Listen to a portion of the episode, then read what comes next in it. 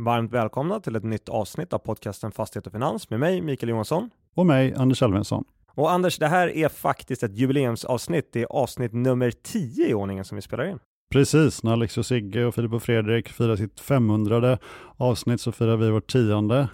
Äh, många bäckar små. Vi, vi jobbar oss ditåt. Och eh, du, när du kom hit idag, sa att du hade haft en ganska busy week. Eh, igår var du ju på eh, Fastighetsvärldens Stockholmsdag.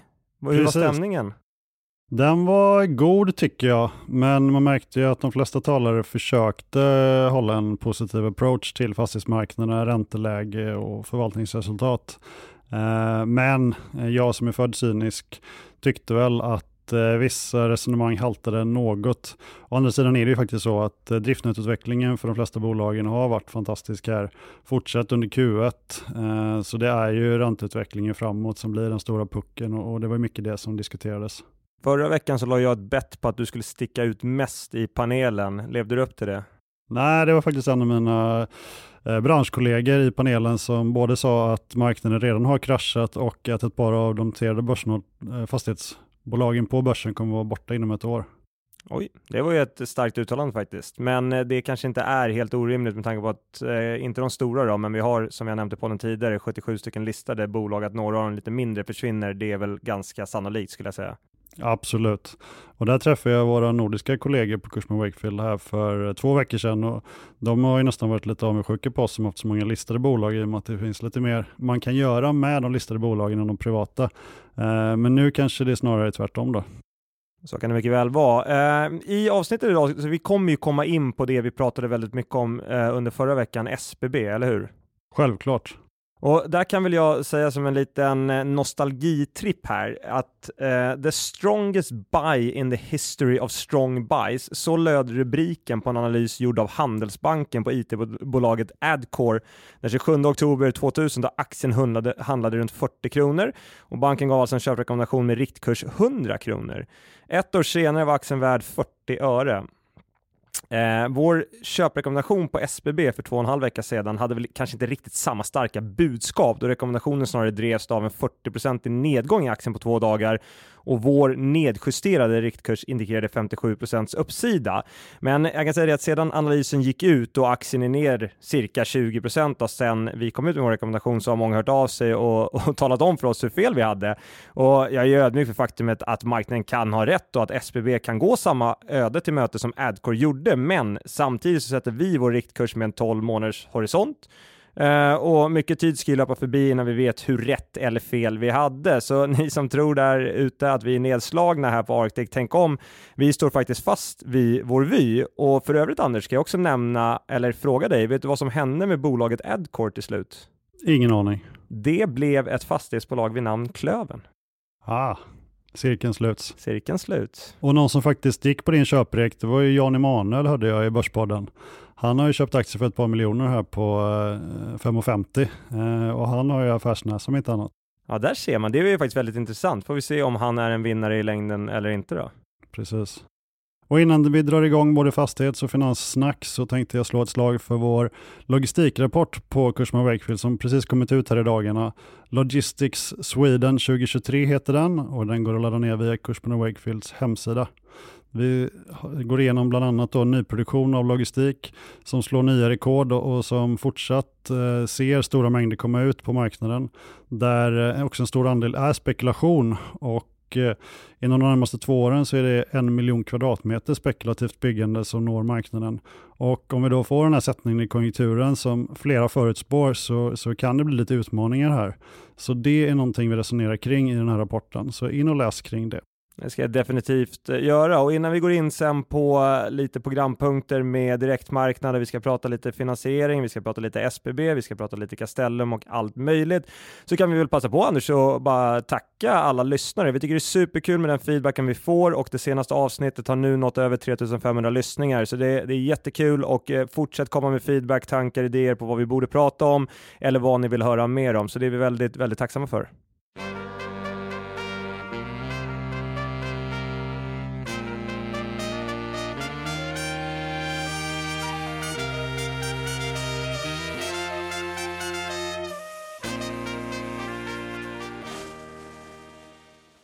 Vi ska börja fokusera på direktmarknad och här går det inte att börja med någonting annat än att du Anders kommenterar Sjunde AP-fonden.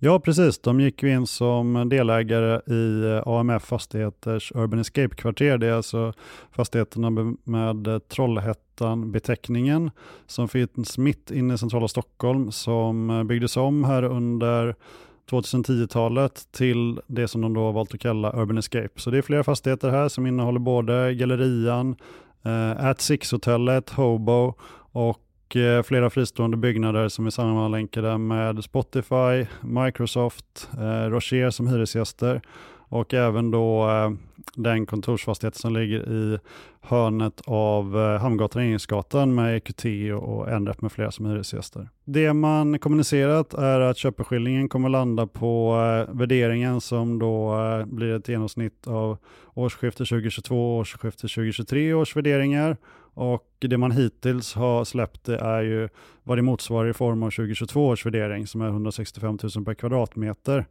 Här går ju AP7 då in och eh, köper 33% med en option om att öka sitt ägande upp till 49% inom 18 månader.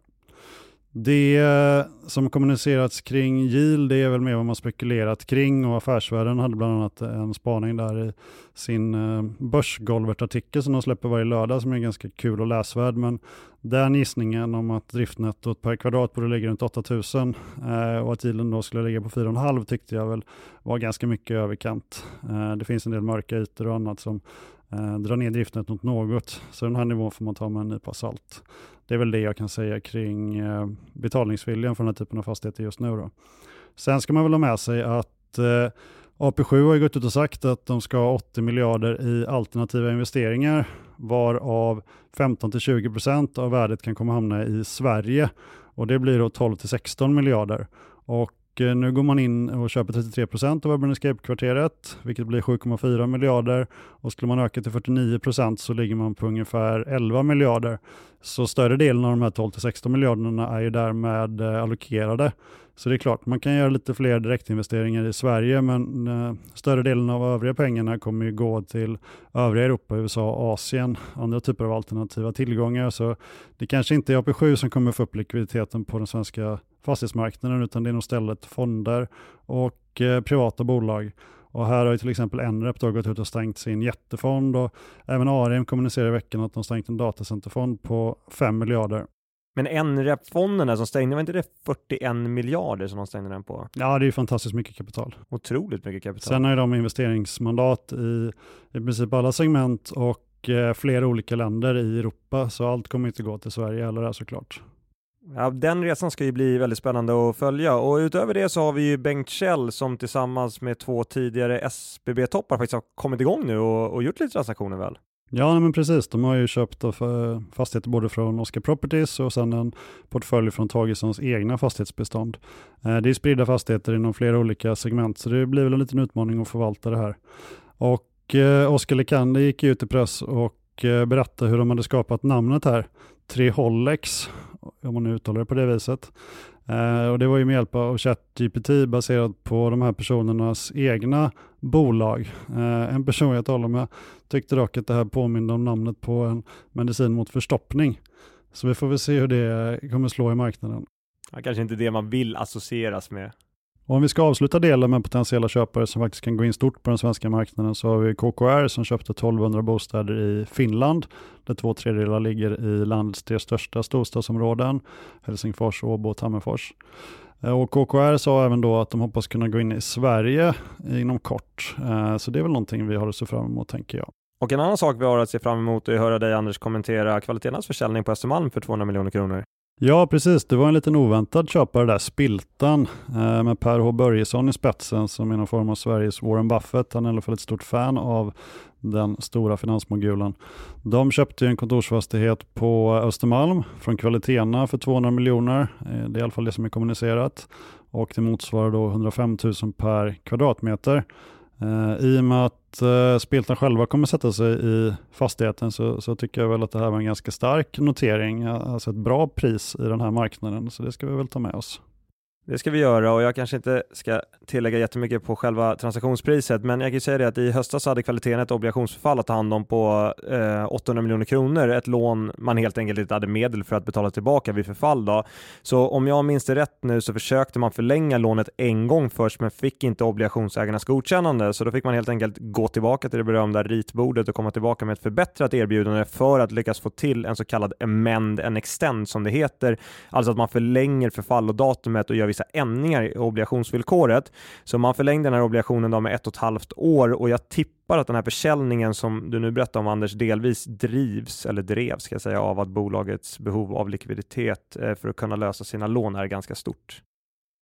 Och en annan liten eh, sockerbit eller russinkåk som gick i innerstan, det var ju Olof Lindgren som förvärvade fastigheten Geten eh, 21 i centrala Stockholm vid Vanadislunden från Sankt Johannes församling.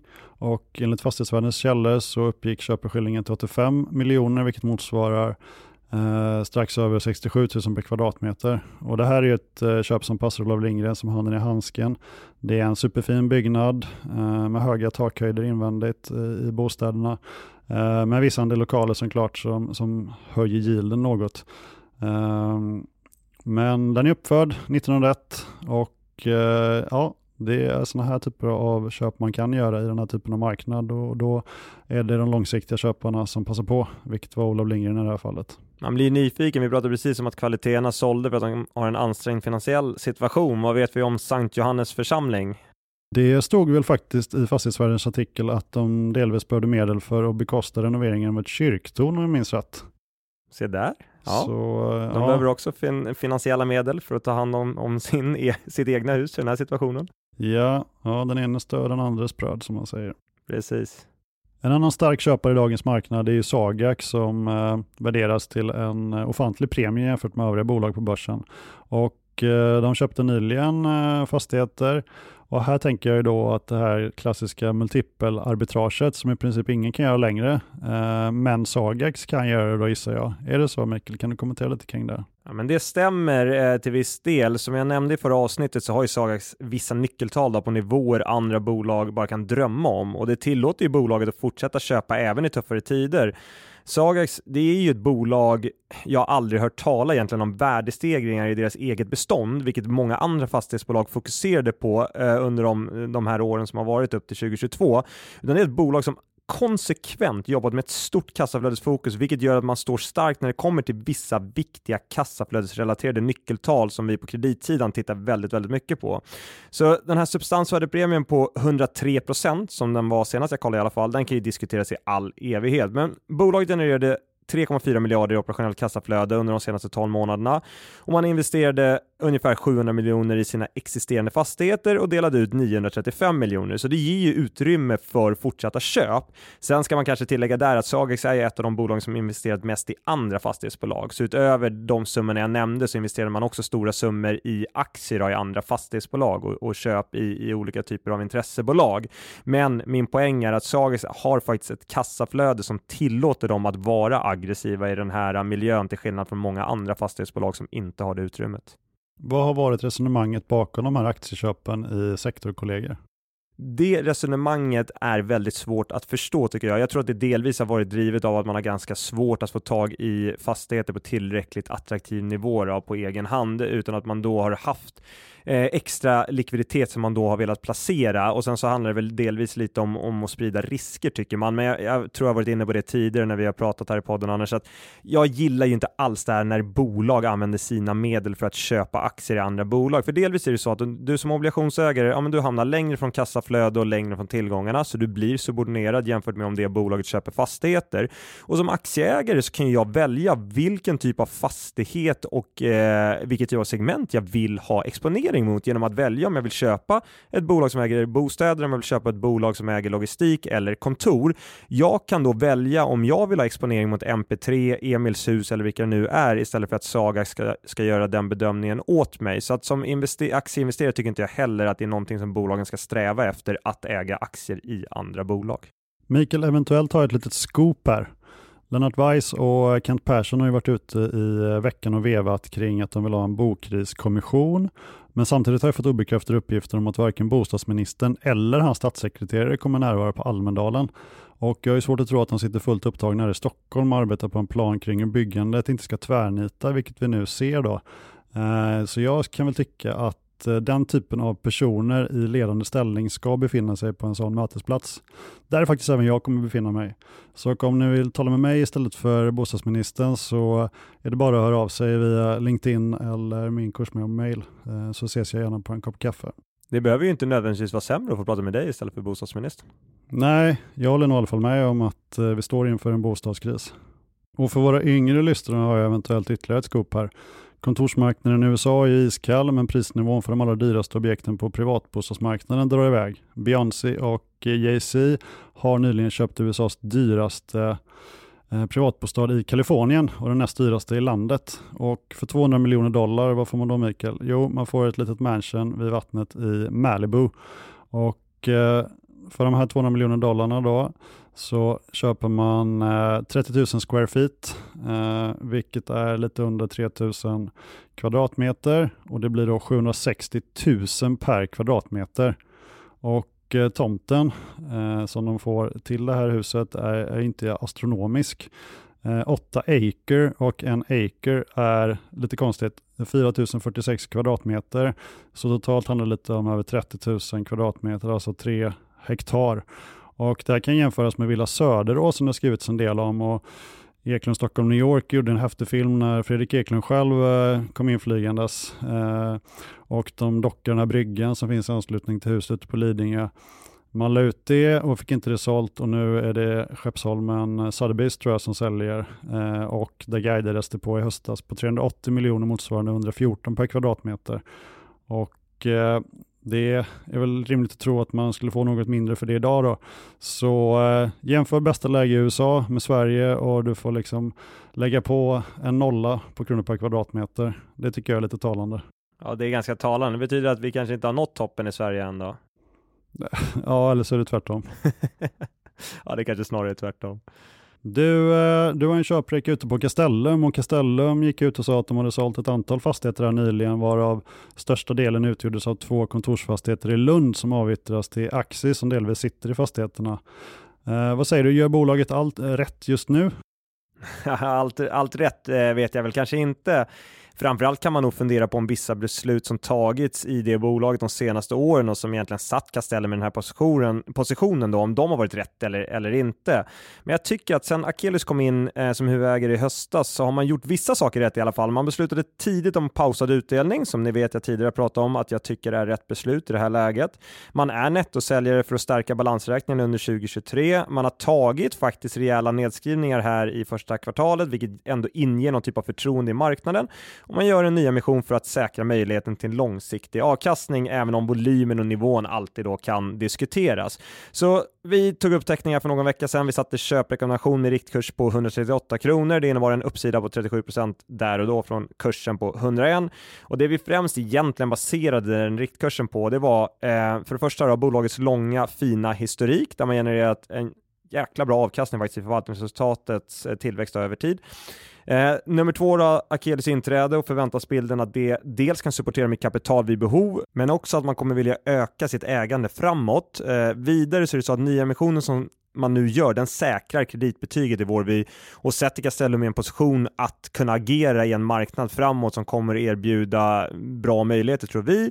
Och sen är det också så att det är en väl tilltagen rabatt eh, just nu i, i, i marknaden då, på börsen eh, mot vårt i alla fall estimerade 12 månaders substansvärde i Castellum där också multipeln på 24-intjäningen ser ganska rimlig ut. Så det är egentligen faktorerna som driver den här köprekommendationen och som vi tycker är ett, ett av de bättre casen just nu på börsen.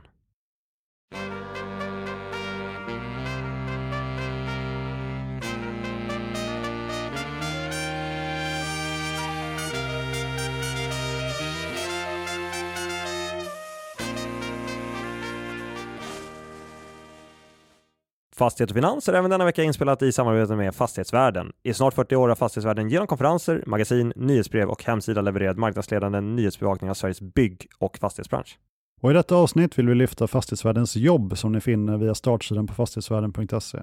Här finns både jobbannonser och information om de i branschen som nyligen bytt arbetsgivare.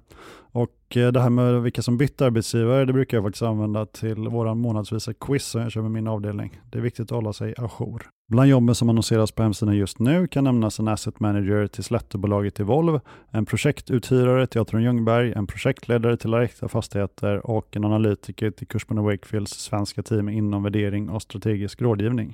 Nej men vänta lite nu, gjorde du precis reklam för en position som ni ska fylla på din egen avdelning Anders? Ja men det är väl klart, det här är ett perfekt format för att göra reklam. det, det, det är faktiskt under all kritik där. Ja. Ah, Okej, okay. vi, kan, vi kan faktiskt godkänna det idag. Uh, och vi kan varmt rekommendera er att ta del av de senaste nyheterna från fastighetsbranschen genom fastighetsvärldens olika kanaler.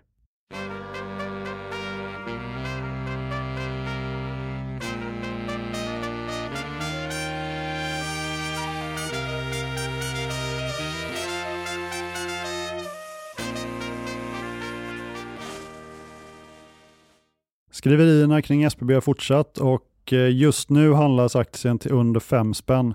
Mikael Linköprik på SB har gett upphov till en hel del skriverier och du har även fått eh, en hel del kommentarer och gliringar har du sagt. Hur känns den här reken just nu?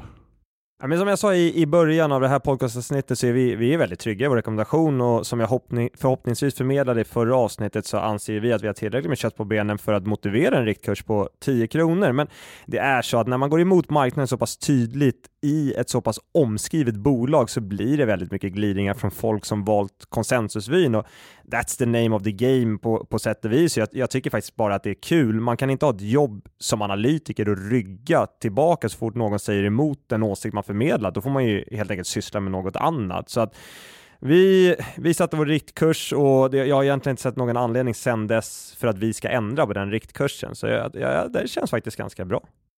Ja, men spännande.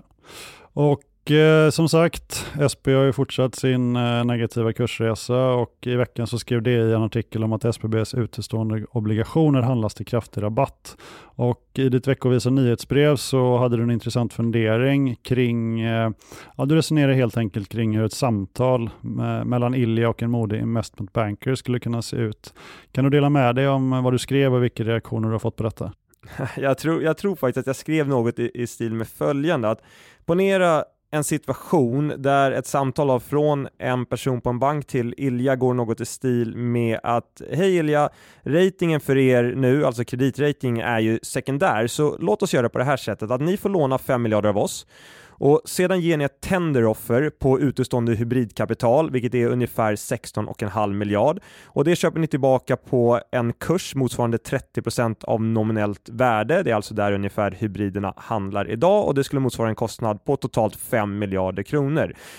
I och med den manövern så skapar ni då cirka 11,5 miljard i eget kapital motsvarande ungefär 8 kronor per stamaktie. Grattis aktieägarna!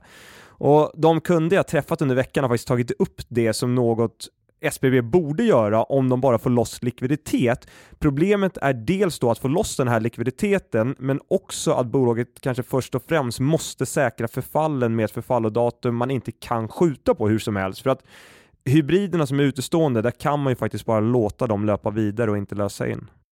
Ilja själv har ju hållit en ganska låg profil de senaste veckorna. Han dök till exempel inte upp i SVTs Ekonomibyrån med avsnittsnamnet Fastighetskris på G. Och han ställde även in sin medverkan på Fastighetsvärldens seminarium i veckan som gick, där jag då deltog och som vi pratat om, där han skulle suttit i heta stolen.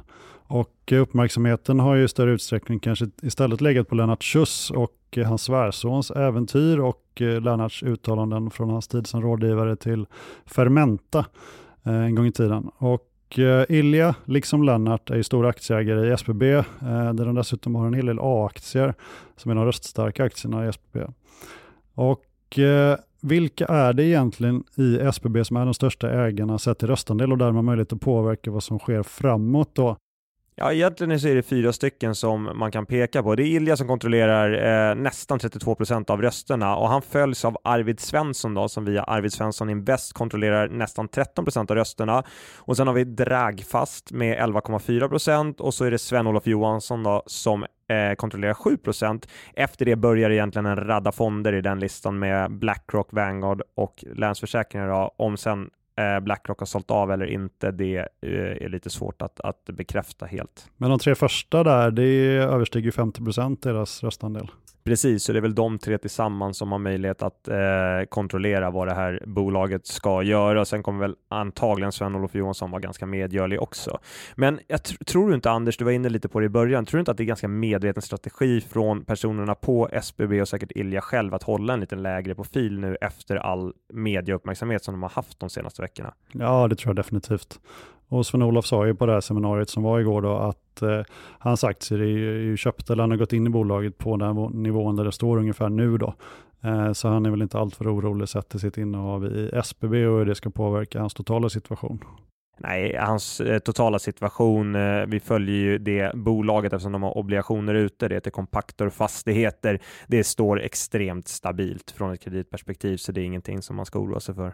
Och det talades också mycket om, på det här seminariet om att lyssna på de erfarna i rummet och däribland är ju Sven-Olof definitivt en av dem. Där har vi en liten rolig anekdot faktiskt med tanke på vad Sven-Olof sa igår för att eh, jag fick en fråga från en Londonkund som hade klippt in en headline från Bloomberg där det stod Johansson says that SBB needs to divest assets. Så den här Londonkunden klippte in den och frågade, är det du som har varit ute och pratat om det här? Men jag sa det, nej, tyvärr inte, utan det är en lite mer rutinerad herre med lite mer, eh, ska man säga, insyn från insidan i SBB som har pratat om det, nämligen då såklart Sven-Olof. Men de vi inte har nämnt nu som ändå har en del att säga till om antar jag är ju de som ställt ut olika typer av eh, Eh, Eh, lån, alltså både obligationsägare och, och bankerna kopplat till olika typer av kovenanter i, i låneavtalen. Eh, går det att säga någonting där kring eh, vilken påverkan de har just nu i bolaget? Eh, Sven-Olof sa en eh, gång en sak till mig som jag tror är väldigt viktigt att ha med sig. Han sa att i tuffa tider, om du är vd för ett fastighetsbolag, så ehm, kommer du behöva dansa ganska mycket efter bankernas pipa. Alltså bankerna har väldigt mycket att säga till om om det blir väldigt tufft. Och om någon kan beskriva en sån situation så är det klart att Sven-Olof är kanske den bästa med tanke på vad han upplevde under 90-talskrisen.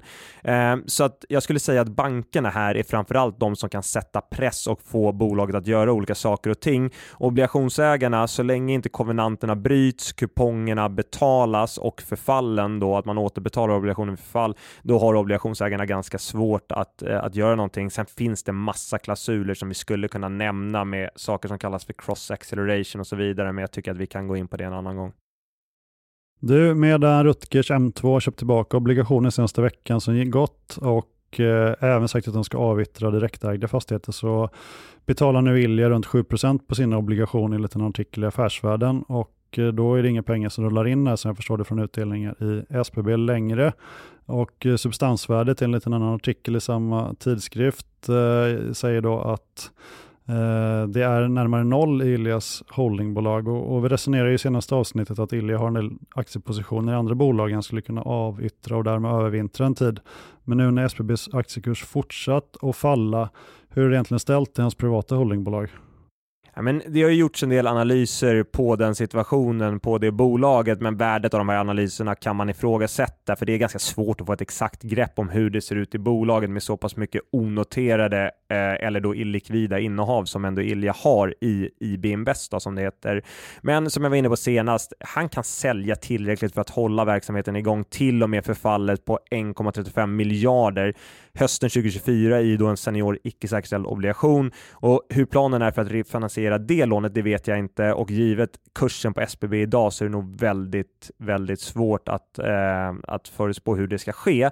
Men eh, en viktig sak eh, som det diskuteras mycket i marknaden där vi kanske kan ge lite koll från vår sida, det är att det viktigaste för Ilja egentligen, det är att få revisorerna att gå med på att SBB-innehavet inte ska skrivas ner i värde i de rapporterade siffrorna, utan här måste han då kunna hävda att börsen har fel och att värdet är större, där, eh, så att man fortfarande kan bokföra det fullt ut enligt kapitalandelsmetoden. Och vi här på Arctic, vi är ganska säkra på att han kommer lyckas med detta, även om nu frågeställningen som jag sa, det diskuteras flitigt i marknaden huruvida man kan faktiskt göra det eller inte. Nu en annan sak jag funderat lite kring, det är ju de här D-aktierna som Läringsverkstädet eh, fick som delbetalning och där kursen då garanteras av SBB. Eh, om jag förstår det rätt så får inte de någon utdelning framåt på de här D-aktierna, borde vi vara ganska måna om att få dem sålda till SBB på den här garantikursen. Och här är det då en dryg miljard som behöver täckas. Hur eh, kommer detta ske rent praktiskt? Först och främst vill jag ändå berömma din norska. Tycker det var ganska bra, det uttalet. Tack, uh, tack. Ehm, men sen, jag, jag, kan inte minnas att jag sett hur det regleras i det avtalet kring själva att man inte får utdelningen. Då. Har man skrivit in en klausul som garanterar priset på aktien så tvivlar jag ju på att man inte har fått med någonting som garanterar utdelningen. Men sedan är det väl så att om allt går bra för det här bolaget så är väl planen att höja utdelningsbegränsningen i D-aktien nästa år för att kunna kompensera D-aktieägare för det man inte fick i år. Sen om det är möjligt eller inte, ja, det finns det ju väldigt mycket saker som kommer påverka. Eh, jag tror att summan här har växt till ungefär 1,2 miljarder eller något i den stilen som man nu är skyldig då, i och med den garantin. Och det är klart att de nog är väldigt måna över att den eh, settlas, men hur det avtalet ser ut däremellan, det vet jag faktiskt inte. Sen var ju Vänsterpartiet ute i morse och vevade kring att staten borde få förköpsrätt på SBBs fastigheter så att de inte riskerar att hamna i orätta händer. Och eh, de kommer även driva på för att en debatt i riksdagen ska komma till stånd i ämnet. Och eh, jag, liksom du gissar jag, har fått massor av förfrågningar de senaste veckorna från eh, både utländska och inhemska aktörer som vill tala om SBB både ur ett kreditperspektiv och ur ett perspektiv där man tittar på fastigheterna. Det känns som en lågoddsare att något kommer hända med bolaget innan semestern, Mikael. Vad är din kommentar? Ja, men jag delar det. Oddsen för det är låga och det är precis som du säger, alla vill prata SBB. Oavsett om man träffar svenska eller utländska aktörer så är det SBB, eh, det är det namnet som berör.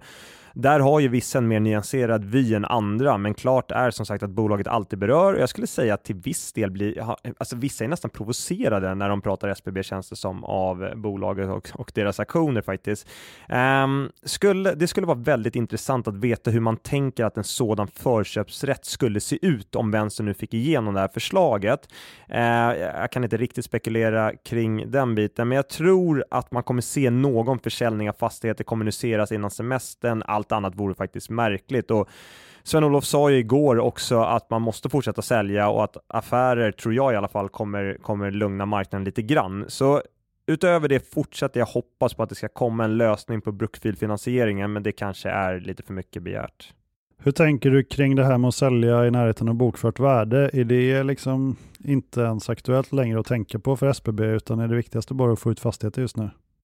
Det är, en det är en svår fråga att svara på för att jag tror, eller jag tyck, det jag tycker är att nej, det spelar ingen roll. Eh, de kan sälja till ganska stor rabatt och ändå göra en för aktieägarna väldigt bra affär. Så egentligen är det bäst att sälja fastigheter om det är 10, 15, 20% under bokfört värde och använda pengarna för att köpa tillbaka skuld, hybrid, D-aktier billigt. Rent kapitalstrukturmässigt, avkastningsmässigt så kan inte SBB göra en bättre affär. Men jag tror också att du kan se ett scenario framför dig där det kommer ut en försäljning till 10, 15, 20% rabatt som media sen snurrar till någonting väldigt negativt och att man applicerar det på hela portföljen och att det då eh, betyder att allt egentligen aktievärde ska försvinna i bolaget. Så det, det, finns två olika perspektiv, men så som jag ser på det så eh, pumpa ut försäljningar och använd pengarna för att, eh, gör, för att göra om kapitalstrukturen lite grann i det bolaget. Det är det som är bäst långsiktigt. Nu har jag en klurig fråga till dig. Om man då skulle ha pengar, SBB alltså, och eh, gå ut på obligationsmarknaden och Eh, köpa de här hybridobligationerna från de ägarna som sitter på dem just nu, där det handlas till 30-40% mot nominellt värde säger man va? Ser man då vem köparen är innan köptillfället? Alltså, om jag ser att SBB vill köpa sina egna optioner som säljer av den obligationen, då tänker jag att ja, men nu kanske de eh, har det lite bättre. Då är jag kanske mindre benägen att sälja på den här låga kursen som det handlas till just nu. Hur, hur funkar det liksom? Det varierar lite beroende på vilken obligation man ämnar köpa tillbaka. Det som man har gjort exempelvis förra hösten, då går man ut med ett publikt så kallat tender offer, så då är det ingen hemlighet att SBB vill köpa tillbaka och då eh, erbjuder man helt enkelt att de som äger de här instrumenten, att de, det kan gå till på lite olika sätt, men ofta är det så att de får då meddela instituten och de olika bankerna som hjälper SBB på vilken nivå man kan tänkas sälja. Man samlar ihop all den här eh, feedbacken, tittar på vilken volym som bolaget, eh, eller eller hur stor volym bolaget vill köpa tillbaka och så tittar man på vilken prisnivå man kan göra det till och sen så är det där som, som den nivån sätts. Då. Men sen är det så att om vi tittar på uh, exempelvis uh, Rutgers M2, han har köpt tillbaka en hel del obligationer här i svenska marknaden och då är det så att uh, ofta vet inte motparterna som säljer att det är Rutger som köper, uh, utan då är det bara så att den personen får vetskap om att det är någon som vill köpa obligationen till ett visst pris och det är upp till den eh, förvaltaren då att eh, ta ett beslut om de vill sälja eh, eller inte på den nivån. Och sen vem som köparen är eh, kan man ju ibland då såklart få reda på som investerare, men egentligen är det ingenting som, som man alltid får reda på, utan det kan vara att ett hus som Arctic eller något av de andra husen i, i stan, att man mäklar den positionen till en ny ägare helt enkelt. Så det är inte alltid du vet om att det är bolagen faktiskt som ligger och köper. Men uppdateras det löpande sen då hur stor andel av varje utställd obligation som är utestående, alltså hur mycket som indirekt har köpts tillbaka eller inte? Ja, det brukar uppdateras. Dels om man tittar på något som heter stamdata eller om du tittar på Bloomberg så, så eh, brukar de vara ganska eh, flinka på att uppdatera det där. Men framförallt kan du också titta i rapporterna som kommer. Där står det hur mycket man har köpt tillbaka. Och när vi ändå är inne på Rutger och obligationer så måste vi prata om kåren som avstod från att kalla tillbaka sin hybrid här. Och som jag förstår det är detta i linje med regelverket men lite i strid med kutym i eh, kreditmarknaden. Storägaren och tillträdande vd Rutger Arnhult kallar dock förfarandet för normalt och väntat. Och eh, trots då att detta kommer innebära ökade lånekostnader så är det det rätta beslutet. Kommentar på det här? Normalt och väntat är väl att släta över situationen kan jag tycka. Och jag vill även säga det att det är väldigt märkligt att Corum inte pressmeddelar om det här. Något de borde gjort tycker jag och de har fått kritik för att de inte gjorde det. Men med det sagt kan man väl säga att beslutet Corum tar på sätt och vis är det ganska fint och man hedrar prioritetsordningen med att först prioritera seniora obligationer före hybridobligationerna.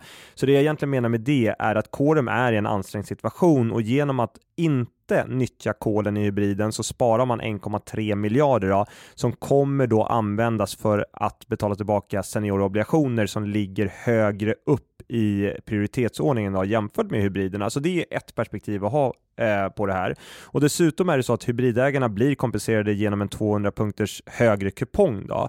Eh, jag ska sträcka upp handen här, eh, bildligt talat, kanske inte rent fysiskt, men jag ska erkänna att jag faktiskt trodde att bolaget skulle hålla upp sin del av det här gentleman agreement man pratar om som man ingick med investerarna när instrumentet emitterades och då nyttja kol eftersom man hade ändå gjort försäljningar här senaste månaderna på motsvarande 10,2 miljarder om vi inkluderar även de aktier man har sålt. Och det borde ha satt bolaget i en position att göra så. Eh, den här hybriden emitterades ju i en helt annan miljö än den vi befinner oss idag och det finns ju ett viktigt budskap i kårens aktion gentemot banker och då som sagt seniora obligationsägare. Och sen är det ju så också Anders att vi ska komma ihåg en en sak att ett non-call-beslut som nu Quorum gör, det betyder inte att instrumentet aldrig ska lösas in. Det betyder mer att inlösendatumet skulle jag säga flyttas fram. Ja, okej. Okay. Och eh, på tal om Rutgers innehav så var jag faktiskt och testade elmotorcyklar av märket Cake där M2 är delägare och de äger då ungefär 6,6 procent av bolaget värderat till 133 miljoner. Eh, och eh, det här är då i linje med den senaste värderingen som eh, togs in i samband med att AMF bland annat gick in som delägare 2021.